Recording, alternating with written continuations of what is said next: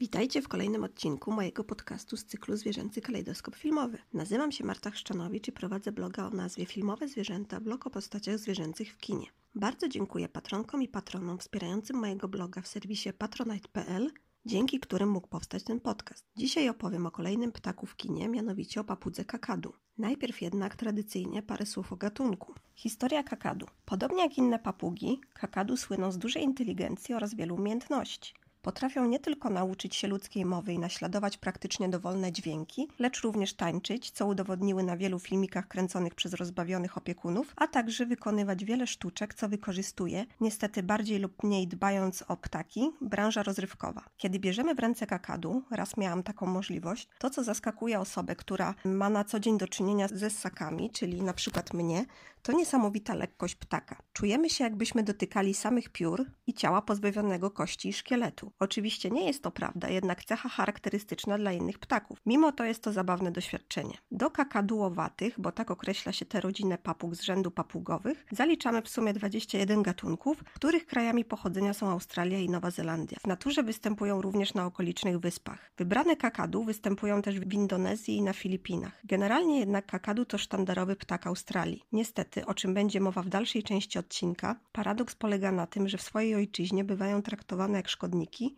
i masowo odstrzeliwane, gdyż niszczą uprawy, a nawet drewniane domy. Wygląd zewnętrzny kakadu nie pozwala jej pomylić z żadną inną papugą. Najważniejszą jej cechą jest pióropusz piór na głowie, który ptak w momencie zmiany nastroju może podnosić i stroszyć, zwany czubem. Ponadto kakadu wyróżnia krępa sylwetka, krótki i duży dziób, oraz dość jednolite ubarwienie białe, różowe, szare i czarne w zależności od gatunku. Kakadu żyją w dużych stadach, nawet po 100 osobników. Podobnie jak inne papugi są hałaśliwe. Żywią się głównie orzechami, ziarnami, warzywami i owocami. Gniazda zakładają w dziuplach, a jaja, zwykle od 2 do 5, wysiadują oboje rodzice. Są to ptaki długowieczne, dożywające ponad 40 lat, w niewoli oczywiście dłużej, bo zdarza się, że dożywają 70-80 lat. Do rodziny kakadułowatych zaliczamy następujące dwie podrodziny kakadu, w tym kakadu cienkodzioba, kakadu krasnogłowa, kakadu molucka, czyli molukańska, kakadu ognistoczuba zwana inką, kakadu palmowa zwana żałobnicą palmową, kakadu arara, kakadu różowa, kakadu sinooka, żółtoczuba, kakadu biała, mała, białooka, filipińska, niebieskooka, kakadu długodzioba i żółtolica.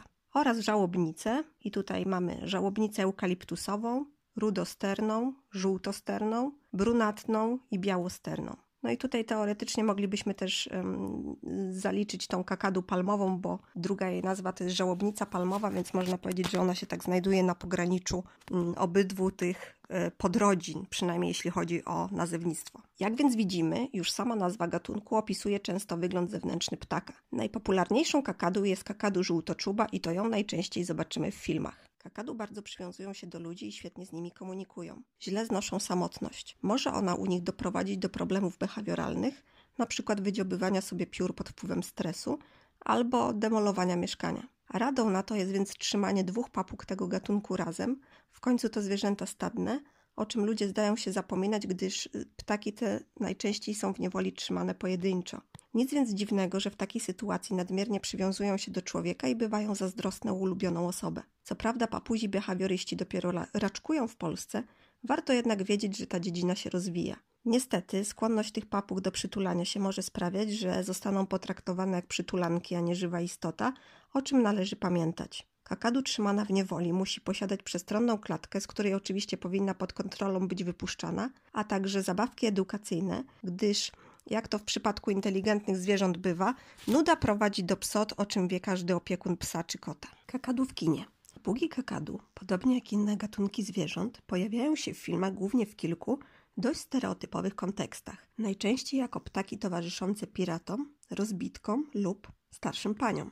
Poza tym śladowe ich ilości zobaczymy w filmach animowanych. W filmach przyrodniczych bardzo rzadko poświęca im się cały czas antenowy. Zwykle prezentuje się je tylko jako jeden spośród licznych gatunków papug. Zwykle ich wizerunek jest pozytywny. pomijając ich gadulstwo. Jednak jak postaram się Wam udowodnić, pojawiają się również ciekawe próby przełamania tego stereotypowego wizerunku, a nawet kakadu będąca czarnym charakterem. Faktem jest, że do dzisiejszego odcinka trudno było skompletować materiał, głównie z uwagi na to, że zbyt mało filmów poświęca im więcej niż jedno ujęcie. A szkoda, ptaki te mają bowiem duży potencjał. Kakadu w polskim kinie. Papuga ta w polskim kinie nie jest oczywiście pierwszym wyborem filmowców. W naszych filmach królują w końcu raczej rodzime gatunki, tudzież ptactwo domowe. Znalazłam jednak kilka filmów, w których pośród zwierzęcych postaci drugoplanowych odnajdziemy te ptaki. Tydzień przygód w Afryce, odcinek piątek i odcinek sobota, reżyseria Piotr Paweł Ludczyn i Adam Łowicki, Polska 1985. W dwóch odcinkach tego siedmioodcinkowego serialu zobaczymy pośród innych papug różowo-białą kakadu. W odcinku, w którym akcja toczy się w piątek, wykonuje z innymi ptakami piosenkę, zaś w sobotę pomaga zawiesić szyld z napisem Park Narodowy. Występuje tu jednak tylko w charakterze ozdobnika i nie ma większego wpływu na toczącą się akcję. Mały pingwin Pik-Pok, odcinek 10 Podwieczorek z krokodylem i odcinek 12 Bohater dnia, reżyseria Krystyna Kulczycka i Eugeniusz Ignaciuk, Polska 1989-1990. W wymienionych odcinkach zobaczymy różową papugę kakadu z nastroszonym czubem. W odcinku zatytułowanym Podwieczorek z krokodylem siedzi ona na drewnianym płocie okalającym wybieg, który dzieli z żółwiem. Tak powtarza wszystko, co usłyszy, czyli papuguje, czym drażni nic ponia, który nazywa ją głupią i każe jej zamknąć dziób. Kakadu jest też tutaj komentatorką wydarzeń i obserwuje powrót Pikpoka ze spotkania z krokodylem. W odcinku zatytułowanym Bohater Roku Ptak milczy, za to Ara ma udzielić wywiadu ekipie telewizyjnej w imieniu wszystkich zwierząt. Tak jak w poprzednio omawianym odcinku, ptak siedzi na ogrodzeniu lub na żółwiu.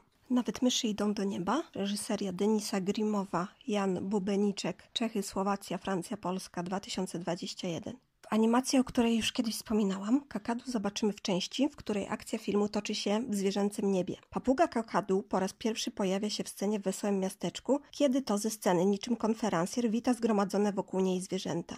Najwyraźniej ma zacięcie showmana. Równocześnie to ona daje myszce kartę z narysowanym na niej nietoperzem i zleca jej rozwiązanie zagadki. Pełni więc kolejną funkcję, gdyż wyznacza zadania również innym zwierzętom. Kiedy dzielna myszka ma się udać do mrocznej, pełnej niebezpieczeństw wszechpuszczy, kakadu siedząca na rozstaju dróg nieoczekiwanie zamienia się w kruka. A może tak naprawdę jest krukiem zamieniającym się w kakadu?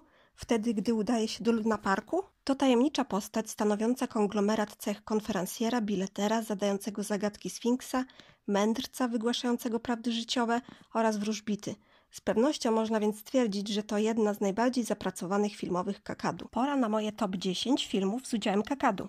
Moje zestawienie otwiera dziś prawdziwa perełka, właściwie jeszcze sprzed oficjalnego powstania filmu, ale nosząca jego znamiona.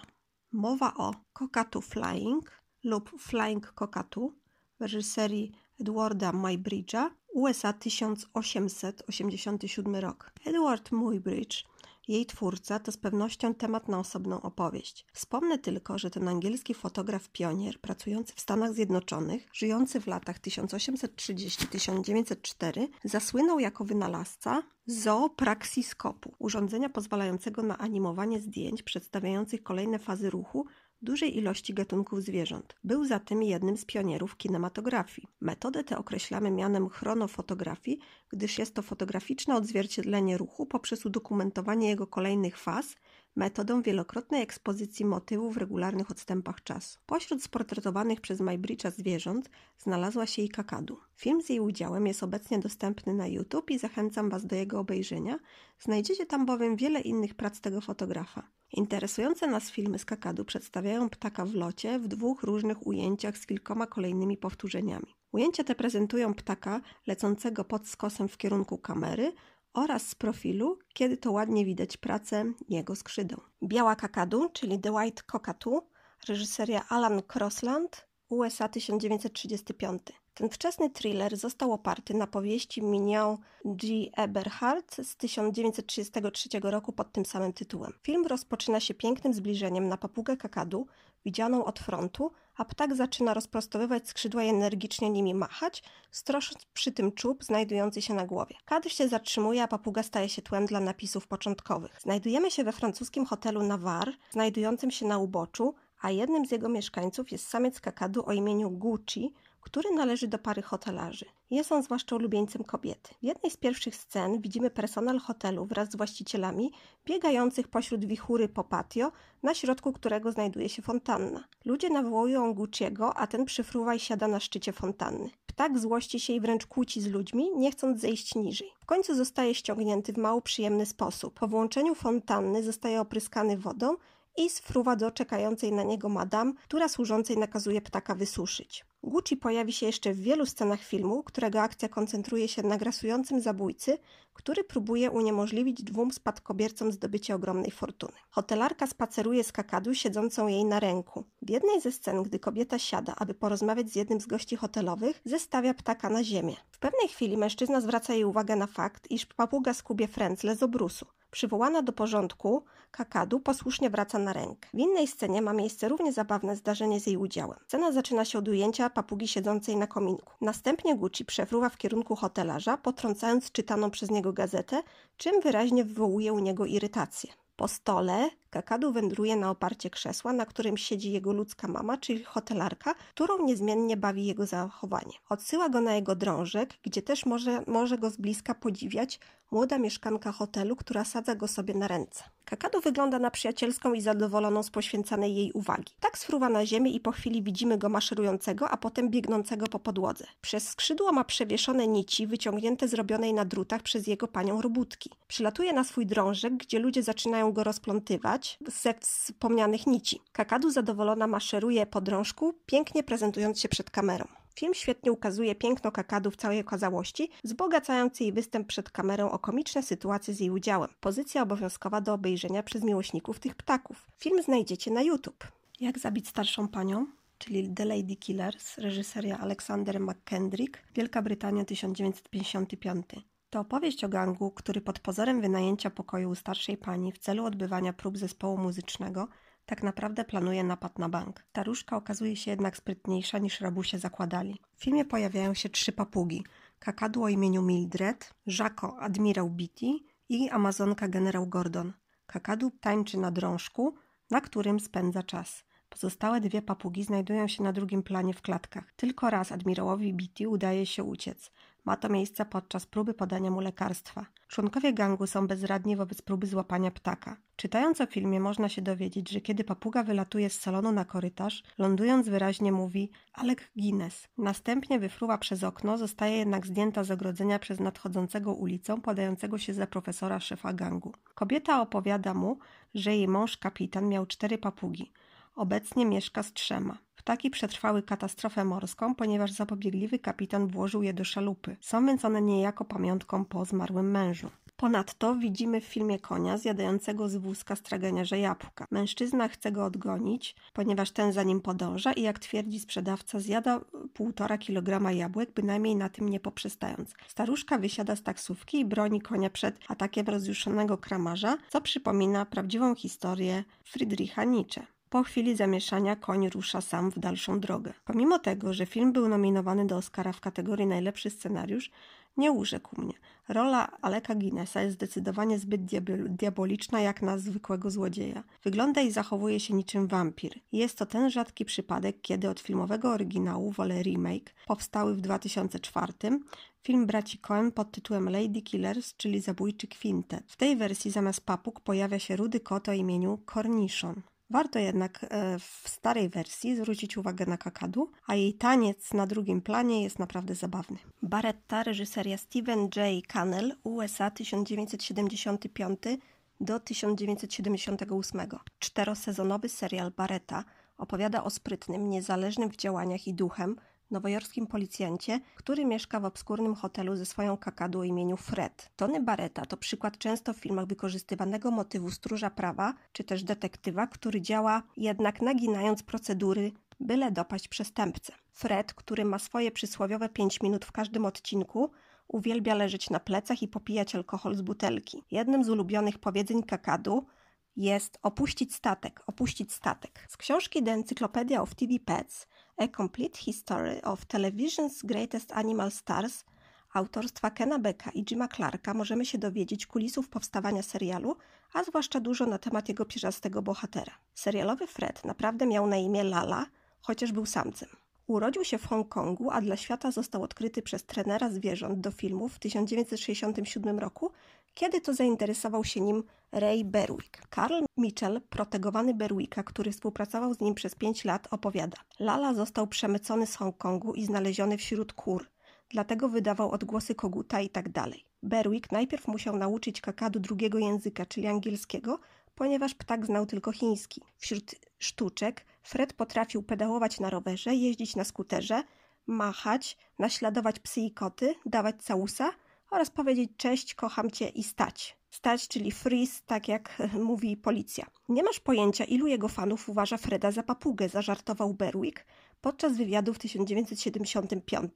Fred byłby wściekły, gdyby wiedział. Uważa, że jest znacznie rzadszy i zdecydowanie piękniejszy. Niebieskooki lala był wielkim tritonem pod gatunkiem kakadu, miał około 16, 14 cali wzrostu i ważył około 1000 gramów, mówi Mitchell. Otrzymał swoje imię z powodu irytującego nawyku kołysania się w przód i w tył i mówienia la la la. Ma doskonałą osobowość i był najbardziej towarzyskim małym zwierzątkiem w pracy, ale jeśli nie okazałeś mu odpowiedniego respektu i nie dałeś nasion na zawołanie, mógł stać się uparty. Był bardzo słodkim ptakiem, ale był na tyle sprytny, że wiedział, ile nasion dostaje za każdą sztuczkę, a jeśli nie dostał nasion, krzyczał lub dziobał. Siostrzeniec Berwicka, Brian Renfro, ujawnił, że kakadu nie była pierwszym wyborem filmowców. Początkowo myślano o kruku, była też mowa o zdjęciu szpaka azjatyckiego, które miało wisieć na ścianie i do którego miał mówić Bareta. Trochę dziwne. Potem myślano o wypchanym ptaku, a w końcu o prawdziwym. Robert Blake, odtwórca roli Tonego Barety, czyli tytułowej, po tym jak zobaczył kakadu przy pracy, powiedział, że należy ją zatrudnić. Lala zarabiał 1000 dolarów za odcinek, a jego dublerem była kakadu o imieniu Dziwny Harold, y, który to jako dubler kaskaderski wykonywał sekwencję latania. Renfro wspomina. Lala był głównym ptakiem. Robił to wszystko rozmawiając przez telefon i pijąc z butelki. Harold, ptak, którego trenowałem, wykonywał akrobację w locie. Była jedna scena, w której Robert Blake wdał się w bójkę i miał podbite oko. Chcieli, aby ptak przeleciał i podniósł chusteczkę, podleciał do zlewu, zanurzył ją w wodzie i odleciał z powrotem, aby przyłożyć chusteczkę na to oko. To się świetnie sprawdziło. Harold zmarł na chorobę wątroby po pierwszym sezonie, więc później Lala otrzymał kolejnych dublerów. Dwa ptaki, zwane po prostu Sweetheart, podzieliły się zadaniami. Jeden używany był w scenach latania, a drugi był dobry w siedzeniu. Siadał bowiem na ramieniu Roberta Blake'a, gdy ten szedł ulicą lub prowadził samochód. Jednak to Lala grał pierwsze skrzypce. Lala komunikował się poprzez tak i nie, mógł mówić na zawołanie i miał nieograniczone słownictwo, powiedział Mitchell. Jego najsłynniejszą sztuczką było odbieranie telefonu i witanie się. Fred dostał tony listów od fanów, które zawierały nawet propozycje małżeństwa od innych ptaków i mnóstwo listów od dzieci. Został także pierwszym zdobywcą nagrody Grand Patsy Award w 1976 roku i powtórzył ten wyczyn rok później. Tom Ewell, również występujący w serialu, powiedział: Zwierzęta, w tym przypadku kakadu, nie są łatwe w pracy. Musisz się do nich dostosować i je obserwować, zamiast próbować skoncentrować się na swoim występie. Musisz skoncentrować się na ich występie, ponieważ nie możesz użyć ujęcia, które robisz, dopóki nie zrobią tego dobrze. Może to być bardzo bolesny, długi proces. Poza sceną mogą być bardzo przyjazne i wspaniałe. Fred był bardzo przyjacielski. Dziobał tylko od czasu do czasu. W rezultacie uwielbiałem bawić się z nim. Pracować z nim nie. Blake, tytułowa gwiazda serialu, żartował, że zaczyna być zazdrosny o kakadu. Dziennikarz telewizyjny odwołał wywiad ze mną pewnego dnia po tym, jak dowiedział się, że Freda tam nie będzie, wspominał. Powiedział mi, że wywiad będzie o wiele bardziej interesujący wizualnie w dniu, w którym będzie tam Fred. I miał rację. Ptak lubił Blake'a bardziej niż Blake lubił ptaka, mówi Mitchell. Robert Blake był zły, ponieważ kakadu otrzymywała więcej listów od fanów niż on. Były dni, kiedy Blake zapominał, ile nasion dać ptakowi, a Lala gonił go po planie, przypominając mu – nie jestem zwierzęciem, ale żywą istotą. Nie jestem rekwizytem. Mitchell mówi, że podczas gdy Lala dostawał nasiona słonecznika jako przysmak, jego dieta składała się z mieszanki kukurydzy, ryżu i innych pokarmów dla ptaków. Lala przeżył długie życie i po barecie wystąpił w Parku Dzikich Zwierząt w San Diego, mówi Mitchell. Kiedy Ray go dostał, był już dorosły i dożył około 70 lat. W 1978 roku w magazynie Photoplay Napisano nawet, że Lala był najbardziej znaną zwierzęcą gwiazdą wszechczasów. Myślę, że Leslie słysząc to by się obraziła. Obejrzałam dwa przykładowe odcinki serialu i rzeczywiście kakadu jest tam wyjątkowo słodka i przylepna, a serial ma wartką akcję. Widać, że serialowy Fred lubi się przytulać, chociaż podobno ptaki w przeciwieństwie do ssaków z tego nie słyną. Długi weekend, czyli Long Weekend, reżyseria Colin Eggleston, Australia 1978 rok. Jest to ciekawy i dość nietypowy przykład filmu, w którym kakadu są postrzegane jako szkodniki i wręcz czarne charaktery. Nie zdziwi nas to jednak, gdy przypomnimy sobie, że to sztandarowy film spod szyldu Animal Attack. Rolą papug nie jest tu więc umielanie życia bohaterom, lecz raczej jego uprzykrzanie. I z tej roli wywiązują się doskonale. Ale od początku. O kakadu jest mowa już w pierwszej scenie filmu, kiedy to bohaterka o imieniu Marcia idzie odebrać telefon, a w tle słyszymy grający telewizor, głosy papug i speakera, który mówi: Z Sydney spływają doniesienia o stadach białych kakadu, które atakują domy na przedmieściach. Przedstawiciele Departamentu Rolnictwa nie potrafią wyjaśnić tego zjawiska. Możliwe, że ptaki, które wydziobują dziury w drewnianych konstrukcjach, uzupełniają w ten sposób niedobory diety. Mieszkańcy mogą mieć tylko nadzieję, że to zjawisko więcej się nie powtórzy. Na ekranie niewielkiego telewizora na drugim planie widzimy kakadu na drzewie. Prezentowane są również zniszczenia, jakich dokonały. Bohaterka wyłącza telewizor. Pod sam koniec filmu, gdy zmasowany atak zwierząt na niszczącą przyrodę parę, czyli Marshie i Petera, sięga już punktu kulminacyjnego, widzimy mężczyznę uciekającego przez australijski burz.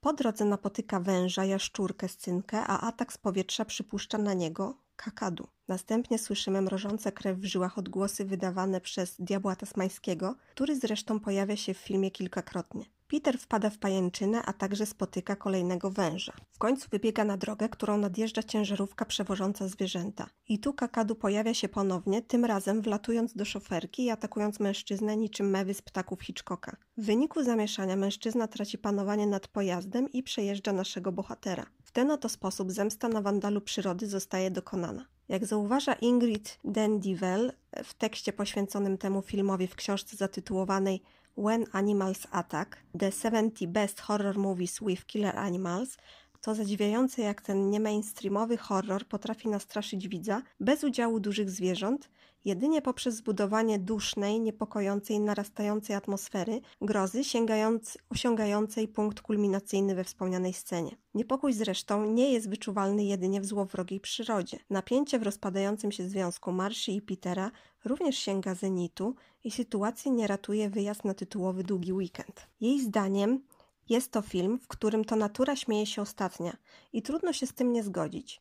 Mimo, że w momencie premiery film nie powalił widzów na kolana, chociaż miał dobre recenzje, obecnie uchodzi za kultowy, nic też nie stracił na swej oryginalności i z pewnością warto po niego sięgnąć. Miłość w Seattle, czyli Love Happens, reżyseria Brandon Camp, USA, Kanada, Wielka Brytania, 2009 rok. Bardzo lubię ten film, gdyż sposób obrazowy i niezwykle prawdziwy opowiada o stracie, żałobie i radzeniu sobie z nią, bądź nie, jak ma to miejsce w przypadku wdowca o imieniu Berg, e, granego tutaj przez Arona Eckharta. Kiedy ten autor książki o przeżywaniu żałoby natknie się na równie pogubioną życiowo kwiaciarkę Eloise, w tej roli Jennifer Aniston, będzie musiał w końcu zmierzyć się z demonami przeszłości, poczuciem winy i straty. Pod koniec filmu pojawia się wątek kakadu imieniu Rocky, która była papugą jego tragicznie zmarłej żony.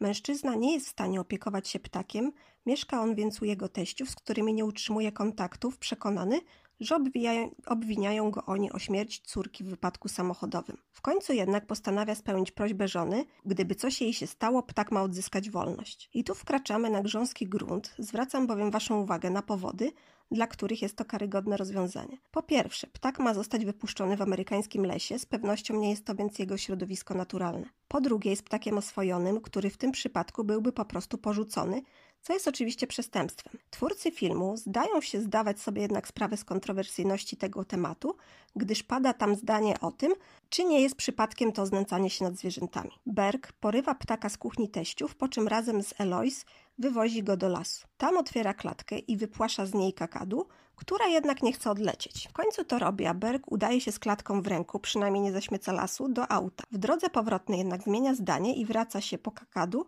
jej już jednak w tym miejscu nie ma. Jak więc widzimy, scenarzyści próbują zatrzeć złe wrażenie, jakie scena ta ma prawo wywołać w mi miłośnikach ptaków. I jest to rzeczywiście najsłabszy punkt tego skądinąd naprawdę wartościowego filmu, przynajmniej jeśli chodzi o ludzkie emocje. A jednak e, na samym końcu filmu miłośnicy zwierząt otrzymują nagrodę i mogą odetchnąć z ulgą. Oto teść Berka, w tej roli Martin Sheen, który w międzyczasie pojednał się z ex-zięciem, wychodząc przed dom po gazetę, spotyka tam kakadu, która jak się okazuje bezbłędnie trafiła do domu. Mężczyzna co prawda wcześniej narzekał na wrzaskliwego ptaka, Teraz jednak z westchnięciem oferuje mu podwózkę do domu na ramieniu. I tak Rocky trafia z powrotem do domu. Ze strony Old Human Hollywood możemy się dowiedzieć, jak powstały poszczególne sceny z udziałem papugi. W scenie, w której ptak zostaje porwany, trener wsadził kakadu do klatki. Aktor zaniósł klatkę do furgonetki i umieścił ją w środku, gdzie ukrywał się już inny trener.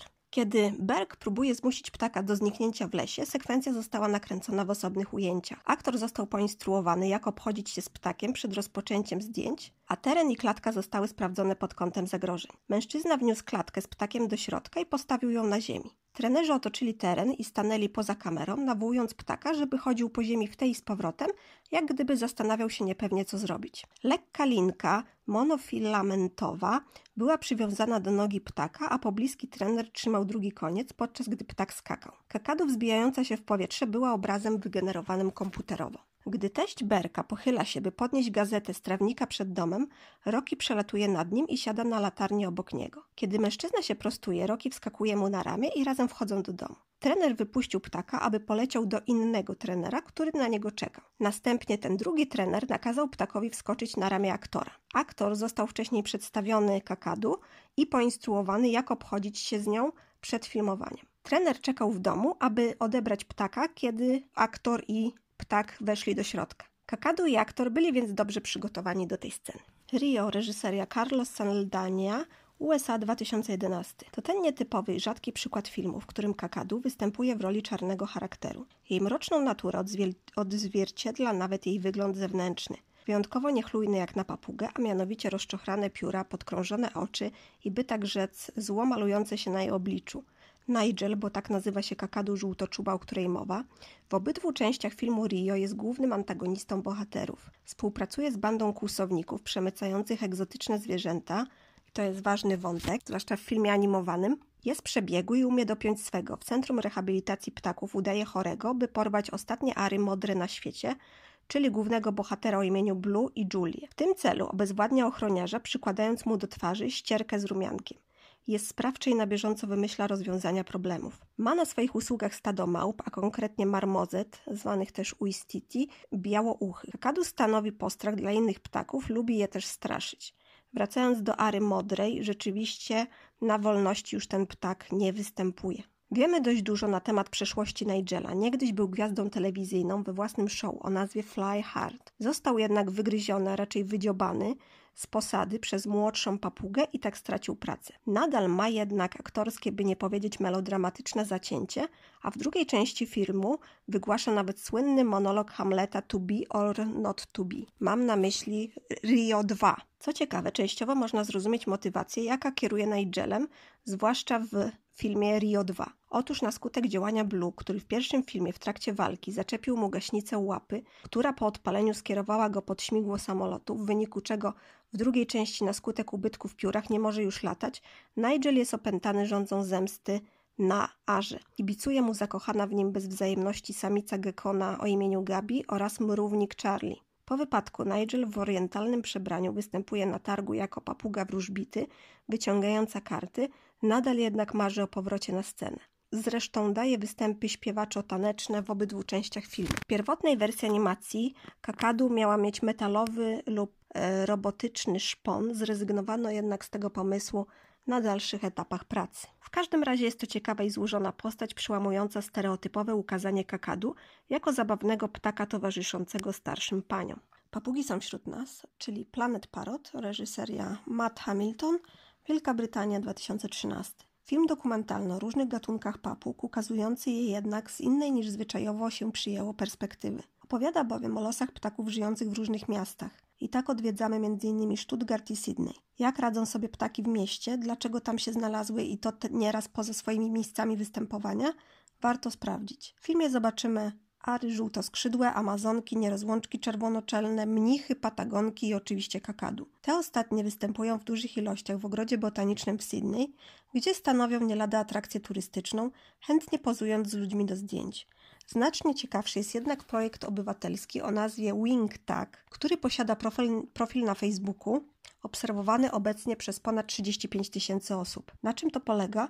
Otóż Wing Tag z powodzeniem włącza społeczeństwo w badania naukowe za pomocą specjalnej aplikacji. Kiedy mieszkańcy Sydney zostają odwiedzeni przez kakadu, muszą ją tylko sfotografować i umieścić jej zdjęcie z numerem, który ma przytwierdzony do skrzydła w aplikacji. Każda papuga ma oprócz numeru nadane imię, a apka pozwala śledzić jej sposób przemieszczania się pomiędzy poszczególnymi dzielnicami, a także poza obrębem miasta. Gromadzone w ten sposób przez obywateli dane są bezcenne dla naukowców, a zdjęcia zrobione przez ludzi wraz z opisami poszczególnych ptaków znajdziecie na Facebooku na profilu o nazwie Cockatoo Wing Tag Big City Birds. Film dokumentalny jest zaś dostępny w darmowym dostępie na VOD tvp.pl. Ciekawski George, odcinek 143 Sprytna papuszka, czyli Curious George Kuku Cockatoo Escape USA 2020. Jeden z odcinków animowanego serialu dla dzieci o przygodach sympatycznej małpki Georgia, wydającego dźwięki niczym szympans, jednak nie przypominającego go zbytnio wyglądem, poświęcony jest kakadu. Krótkometrażówka dowcipnie gra z poglądami na inteligencję małp i papug. Oto kakadu, którą miał się opiekować George, ucieka, a małpka próbuje ją zwabić z powrotem za pomocą rozłożonych na podłodze orzeszków ziemnych. Idzie jej całkiem nieźle do momentu, gdy jednego z nich zabraknie do upragnionego celu. Brakujący orzeszek znajduje się w skomplikowanej zabawce edukacyjnej kakadu, George nie umie jej jednak otworzyć. Zniecierpliwiona tym papuga otwiera go za nią i wydobywa upragniony orzeszek. Postać kakadu żółtoczubej została tu dobrze odwzorowana i jest to z pewnością jeden z bardziej udanych jej wizerunków w animacji. Black Cockatoo Crisis, reżyseria Jane Hammond, Australia 2022. Można powiedzieć, że ten film trochę awansem dostał się do mojego top 10, jednak nie do końca jest to prawda. Wprawdzie w sieci dostępne są tylko jego fragmenty i to głównie teaser i trailer, jednak wszystko wskazuje na to, że przedstawia on sobą dużą wartość, jeśli chodzi o ochronę środowiska naturalnego i papug w szczególności. Jego bohaterkami są czarne kakadu, czyli żałobnice żyjące w Australii, na którym to kontynencie ma miejsce kuriozalna sytuacja. Tępi się tam prawie wszystkie gatunki zwierząt, nawet te rodzime, uważając je za plagę. I tak pod kulami strzelb padają nie tylko sprowadzone na kontynent króliki, które szybko wymknęły się spod kontroli, ale nawet koty domowe, jak też sztandarowe australijskie dingo oraz jak się okazuje również papugi, uważane przez rolników i sadowników za szkodniki, bowiem obgryzają jabłka. Niestety możemy w tym przypadku mówić o rzezi na olbrzymią skalę, a w filmie zobaczymy zorganizowane protesty miłośników zwierząt, a także oburzonych, żeby nie powiedzieć wkurzonych badaczy tych pięknych ptaków. Z filmu wyłania się przygnębiający obraz zniszczeń, jakich tylko nasz gatunek jest w stanie dokonać. Jest to produkcja niezależna, połączona z kampanią na rzecz ochrony tych ptaków. Więcej na ten temat możecie się dowiedzieć ze strony www.blackcockatoocrisis.com.au. Inne produkcje z udziałem kakadu. Szalona Miłość, czyli w oryginale Mad Love, reżyseria Karl Freund, USA 1935. To film, który fabułą nawiązuje do Rąk Orlaka z 1924 roku. Tu też mamy wybitnego pianistę i szalonego naukowca, przeszczepiającego mu dłonie zbrodniarza. Nas jednak interesuje kakadu pojawiająca się w kilku scenach. W większości z nich jest pasażerką na ramieniu gospodyni alkoholiczki, szalonego Gogola, bo tak nazywa się bohater grany przez charyzmatycznego Petera Lora. Papuga niejednokrotnie musi łapać równowagę, pomagając sobie machaniem skrzydłami, gdyż kobieta oczywiście się zatacza. Komediowy wydźwięk ma scena, w której widzi kakadu podwójnie. Oprócz tego papugę widzimy na dużej obręczy do siedzenia, na której ma też zamontowaną huśtawkę, tak lubianą przez ptaki. Nieraz widzimy, jak ptak zerka poza kadr, skąd odbiera wskazówki trenera, kiedy ma kiwać głową lub się odezwać. Pod koniec filmu pojawia się zbliżenie na ptaka, a także kilkukrotny lot w kierunku kamery, na przykład gdy kakadów wefruwa do pokoju. Ostatecznie wyfruwa przez okno w ciemną noc, a nadaremnie jej szukająca gospodyni wpada w ręce policyjnego patrolu. Znana krytyczka filmowa Pauline Kell sądziła, że film ma coś wspólnego z późniejszym przecież obywatelem Kane'em Orsona Wellesa. Poza tym, że przy obydwu filmach pracował operator filmowy Greg Toland, zwróciła również uwagę na fakt, że w obydwu produkcjach pojawia się papuga kakadu. Zacytuję do dokładnie jej słowa. Karl Freund, słynny operator UFA, wyreżyserował tę wersję horroru Rąk Orlaka dla MGM z Peterem Lorre w roli głównej z Gregiem Tolandem, który miał później kręcić Obywatela Keina w ekipie filmowej. Reżyseria Freunda jest rozczarowująco statyczna, ale film ma charakterystyczny styl Grand Guignol i ma duże znaczenie wizualne i historyczne. Szalony lekarz Petera Lora, który przyszczepia ręce uzbrojonego w nóż mordercy wrażliwemu pianiście Orlakowi, granemu przez Colina Clive'a, może być niemal wczesnym szkicem do roli Orsona Wellesa jako starszego Keina. Gotyckie zestawy obydwu obrazów mają wiele podobieństw, a na obu pojawia się biała kakadu. Orson Welles udzielił wywiadu w show Dicka Cavetta. Zapytany w nim o kakadu i znaczenie jej pojawienia się na pierwszym planie w jednej ze scen obywatela Keina, Wells zażartował, że chodziło o obudzenie publiczności. Papuga rzeczywiście pojawia się raptownie i w dodatku ma nastroszony czub i równie szybko znika. Zdaniem aktora i reżysera jest to zresztą znak szczególny kakadu, to znaczy stawianie wszystkich w stan alertu. Wspomniany fragment wywiadu jest dostępny na YouTube. Bedlam, reżyseria Mark Robson, USA 1946. Największymi atrakcjami tego zapomnianego filmu są Boris Karloff w odwiecznym sporze Karloff czy Lugosi, reprezentuje zdecydowanie Tim Karloff, oraz papuga Kakadu, bardzo ładnie zresztą wyeksponowana już od scen początkowych, kiedy to podróżuje ze swoją panią Nell Bowen karetą. Ogółem zobaczymy ją w filmie w kilku scenach. W jednej z nich prosi o ciasteczko, a następnie ze smakiem je zajada, w innej jest przenoszona przez tragerzy. Film koncentruje się na próbie poprawy losów pacjentów szpitala psychiatrycznego Bethlehem Royal Hospital, a w tym celu Nell będzie musiała stoczyć walkę zahaczającą o kręgi polityczne. Film znajdziecie w oryginalnej wersji językowej na stronie archiw.org. Narodziny Gwiazdy, czyli po angielsku A Star is Born, reżyseria George Cukor, USA 1954.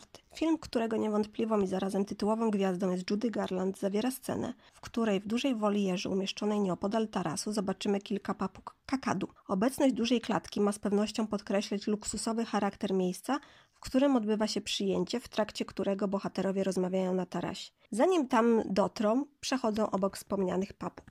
Iron Man 2, reżyseria John Favreau, USA 2010. Kakadu wystąpiła też w tej produkcji o superbohaterze Marvela. W filmie należy do czarnego charakteru Iwana Vanko, bohatera, w którego wcielił się zresztą udanie Mickey Rook. Papuga pojawia się już na początku filmu, kiedy to po śmierci Antona, mentora i ojca Iwana, trafia do warsztatu tego drugiego. Zobaczymy tu ptaka siedzącego na drążku, śpiącego bądź czyszczącego sobie pióra. Kakadu zobaczymy w filmie w ogółem w kilku scenach, chociaż jest mowa o dwóch ptakach. Irina, wspomniana przed chwilą, nie zostaje sprowadzona z Rosji na żądanie Wanko, który miał spełnić chcący wykorzystać go do swoich celów Hammer. W zamian za to podsuwa mu inną papugę, którą prawdopodobnie dla niego zakupił. Mężczyzna szybko orientuje się w podstępie, nie zmienia to jednak faktu, że ostatecznie zaprzyjaźnia się z drugą papugą, która często siedzi mu na ramieniu. W wyniku kłótni pomiędzy nim a Hammerem tak zostaje skonfiskowany w ramach kary i dosłownie wrzucony do worka, jednak sceny z udziałem zwierząt były monitorowane przez American Human Society, więc miejmy nadzieję, że wspomniana scena została zamarkowana. Kiedy Wanko jako Whiplash wyrusza na ostateczne starcie z Iron Manem, akcja koncentruje się tylko na nich i nie wiemy, co stało się z Iriną 2 po jego śmierci. Według zagorzałych fanów Wanko zabił ptaka jeszcze przed opuszczeniem siedziby Hammera, a Czarna Wdowa miała znaleźć jej zwłoki. Sceny tej nie ma jednak w filmie. Co do twórczyni roli Iriny, sytuacja również nie jest jasna. W niektórych źródłach natrafimy na informację, że papuga naprawdę nazywała się Sony i została podarowana Rurkowi przez reżysera filmu. Druga wersja głosi, że aktor sam zainwestował w kakadu i w złote zęby, które miały mu pomóc wcielić się w rolę Rosjanina. Podobno kakadu zrobiła wrażenie na odtwórcy tytułowej roli Robercie Downey Jr., a reżyser, czyli Favreau, miał powiedzieć, że nie wie, dlaczego ptak nie widnieje na filmowym afiszu.